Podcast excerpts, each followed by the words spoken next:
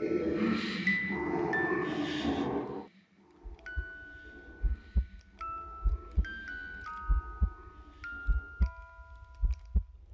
śmierć. Reputacja skabenów jako kłótliwych tchórzy doprowadziła wielu do przekonania, że są zbyt niecierpliwe albo zbyt głupie, by zrealizować jakiekolwiek długofalowe plany. Być może jest to prawda w przypadku pojedynczych szczuroludzi, ale siła naporu kulturowego, bezustanne walki wewnętrzne i sabotaże oraz powolne gromadzenie sił każą w rasie jako całości dostrzegać zarówno oznaki cierpliwości, jak i sprytu. Jeden wódz może obmyślić plan i zacząć gromadzić wojowników, którzy go wypełnią. Inny może usłyszeć o tym planie zacząć go naśladować. Gdy przeminą dekady od śmierci tych pierwszych dwóch, którzy pozabijali się o to, to ma przeprowadzić atak. Nowy wódz podejmie ich dzieło.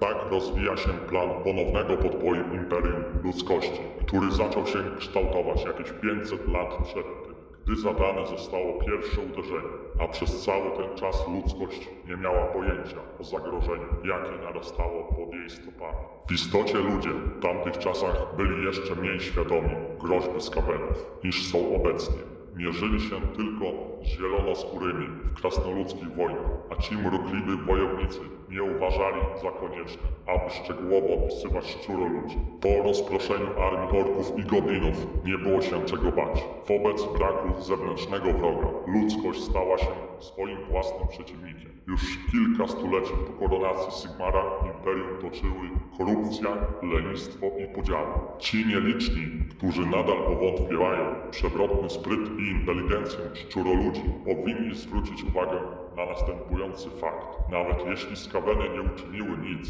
by podsycać proces rozkładu społeczeństwa ludzi, skoordynowały swój układany przez stulecie plan i zaatakowały dokładnie w momencie, gdy imperium było najsłabsze. Pod koniec pierwszego tysiąclecia imperator złotobierny zasiadał na tronie wyłącznie dlatego, że okazał się najbardziej przekupnym władcą w królestwie, a pod jego rządami imperium załamało się i rozgorzała otwarta wojna domowa. Oczywiście pierwsze ruchy skawenów były niewidoczne. Zarazy występowały w Starym Świecie tak powszechnie, że niewielu ludzi było w stanie zrozumieć, iż coś takiego może się stać narzędziem wojny. Czarna śmierć, nazwana tak ze względu na pojawiający się na ciele zarażonym czarne plamy, pojawiała się najpierw w południowych prowincjach, co doprowadziło do powszechnego przekonania, że rozsiewali ją tileańscy kupcy. Komunikacja w tamtych czasach była ograniczona, więc dopiero gdy zaraza zdziesiątkowała populację Nur i Talapre, poznano prawdziwą skalę epidemii, a wtedy wybuchła panika. Choroba rozszerzała się i działała szybko, zabijając ofiary w ciągu kilku dni, a nawet godzin po wystąpieniu pierwszych objawów. Nie pomagał żaden znany lek, a z powodu tempa rozprzestrzeniania się zarazy nie było dość czasu, by ją zbadać. Uważano, że choroby nie da się zatrzymać i pomóc mogą jedynie bogowie. Cierpieli zarówno biedacy, jak i szlachta, a w 1115 roku ogłoszono, że sam imperator złotobierny padł ofiarą choroby, chociaż naprawdę został zabity gwiazdką rzuconą przez skrytobójcę z klan Do tego czasu populacja imperium została zredukowana do mniej niż połowy liczebności poprzedniego pokolenia. Wówczas szczuroludzie uderzyli zbrojnie, wypadli ze swych podziemnych nor, zalewając ulice każdego miasta i osady imperium. Tych niewielu ludzi oszczędzonych przez plagę nie miało czasu, by się przygotować, ani dość siły, by stanąć przeciwko skawenom. Wielu postrzegało je jako ostateczny znak zagłady i niszczycieli zesłanych, by pochłonąć ocalałe szczątki ludzkości. Korzystając z tego strachu, skaweny w ciągu kilku godzin zajmowały całe miasto. Ludzie zbyt starzy lub za młodzi, by pracować, byli zażynani na miejscu, a ci, którzy mieli dość siły, by stać i unieść łom, zostali zabrani jako niewolnicy do skaweńskich kopalni. W ciągu kolejnego roku jedna trzecia zdziesiątkowanej przez plagi ludności imperium została wymordowana lub zniewolona i tylko trzy miasta oparły się skaweńskim najeźdźcom. Aldorf, Talabhej i Middelheim. Jednakże wobec braku imperatora na tronie szczuroludzie uznali się za zwycięzców.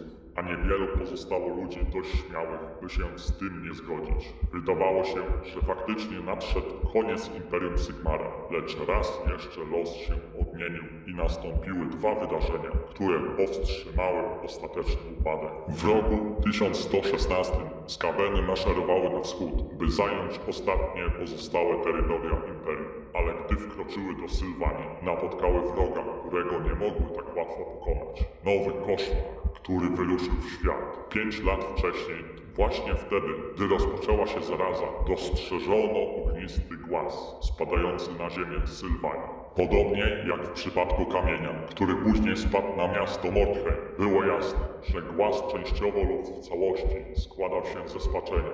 W latach zamieszania wywołanego przez zarazę nikt nie wyruszył, by zbadać zniszczenia poczynione przez kamień z nieba, ale gdy siły skabenów przekroczyły granice Sylwanii, już czekała tam na nie gotowa armia, wojsko nieumarłych. Wobec wroga, niewrażliwego zarówno na zarazę, jak i na strach oraz niemal równie licznego jak one same, skaweny nie mogły wykorzystać żadnej ze swych tradycyjnych przewag taktycznych. Niewielki oddział, który wysłano do Sylwanii, został szybko wyeliminowany przez hordę nieumarłych oraz ich generała i nekromantę Van Hela. Skaweny odpowiedziały w jedyny znany sobie sposób, posyłając falę za falą wojowników do tej prowincji, by zmiażdżyć nowego wroga. Wojna między dwoma wynaturzonymi rasami toczyła się niemal przez pięć lat i żadna ze stron nie mogła osiągnąć zwycięstwa. Jednakże zmagania ściągnęły wielkie armie szczuroludzi z pozostałych terenów Imperium,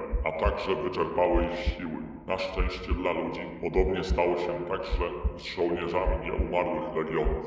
Wreszcie Imperium miało szansę przeprowadzić kontrnatarcie na swoich ziemiężycieli, jednak zniszczenia były tak wielkie, że nie znalazł się nikt dość śmiały, by uwierzyć w możliwość powodzenia takiego planu, nie mówiąc o tym, że byłby zdolny przekonać innych, aby poszli za nim. Nikt oprócz jednego człowieka. Gdy uderzyła zaraza, książę elektor Mandret od Grodkas, władca Midenheim, rozkazał zniszczyć wielkie kamienne wiadukty prowadzące do miasta, by w ten sposób nie dopuścić do przedostania się infekcji za mury. Zdecydowane działanie oszczędziło ludność miasta, a armia zachowała siły. Gdy zaatakowani szczuroludzie przekonali się, że Midenheim pozostało ostatnim bastionem potęgi Imperium, rozpoczęli więc oblężenie. Jednocześnie zaś ich inżynierowie drążyli tunele w górze, na której wznosiło się miasto. Ale Mantret nie ugrał się w obliczu nowego zagrożenia.